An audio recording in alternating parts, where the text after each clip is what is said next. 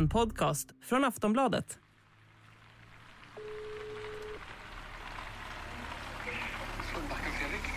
Eh, ja, hej, det är Katarina från Aftonbladet. Ja, men hej. Jag står här utanför nu om du är, om du är klar.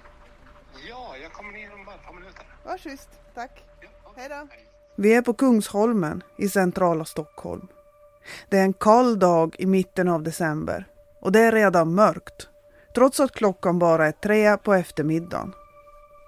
Vi är bara några kvarter från folkvimlet kring Fridhemsplan.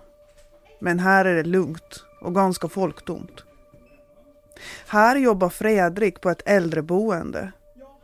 Han har jobbat här i drygt ett år, både med vård och som arbetsledare. Eh, jag är gruppchef, vilket innebär att jag är både undersköterska och jag är även deras närmsta arbetsledare. Så jag arbetsleder eh, personalen på en av våra omsorgsvåningar. Det är äldre med olika demenssjukdomar som bor här. De är i olika grad påverkade av sin sjukdom. Men de behöver alla mycket stöd och hjälp för att klara av sin vardag. Det är ju väldigt olika, utan de som bor här hos oss är ju dels ganska långt gångna i sin demens och sen finns det även de som ganska nyligen har fått en diagnos. Så att det är liksom hela spannet från dess att man precis bör, behöver flytta in på ett boende tills man kanske är väldigt långt gången. Många dagar ser likadana ut på äldreboendet.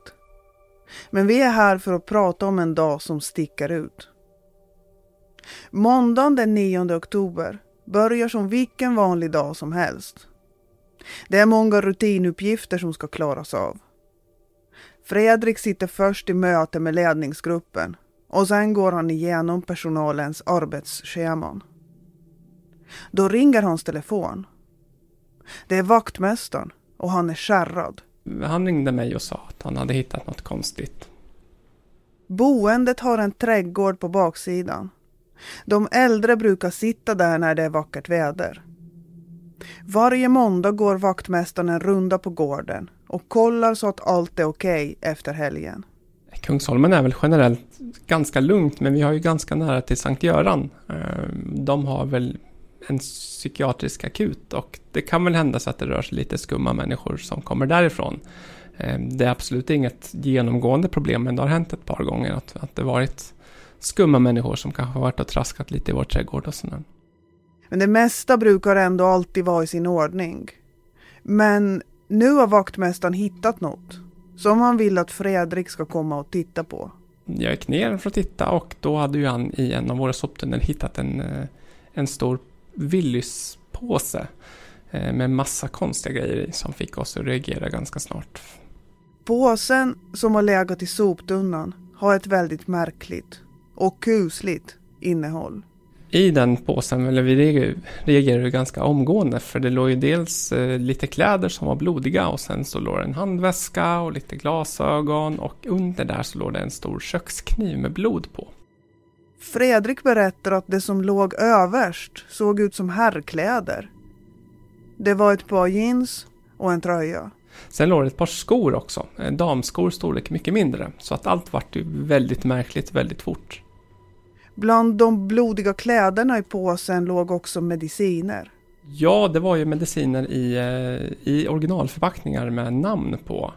Eh, Och i de här så låg det ju även de här medicinerna. eh, Vilket är ganska märkligt att det ligger i stort sett oanvända mediciner i en förpackning sådär.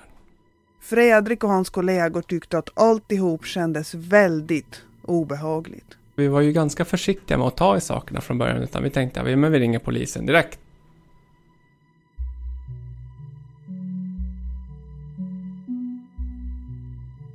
En kväll i oktober känner en ung man på en lägenhetsdörr i centrala Stockholm. Dörren är inte låst. Han öppnar och går in. Där inne gör han sig beredd att gå till attack. Och några minuter senare är en 75-årig kvinna död. Utredningen kommer tydligt att visa vad som har hänt. Men trots det kommer ingen någonsin att dömas. Det här är knivdådet på Kungsholmen. Mitt namn är Katarina Norgran. Det här avsnittet är exklusivt för Aftonbladet Plus och Podmi-kunder. Gå in på kampanj.aftonbladet.se aftonbladetkrim så kan du signa upp för plus i två månader för 49 kronor. Sen kan du lyssna i Aftonbladets app eller sajt. Vill du testa Podmi kan du göra det i 14 dagar kostnadsfritt. Gå in på podmi.com och teckna Podmi Premium så får du tillgång till alla premiumpoddar helt utan reklam.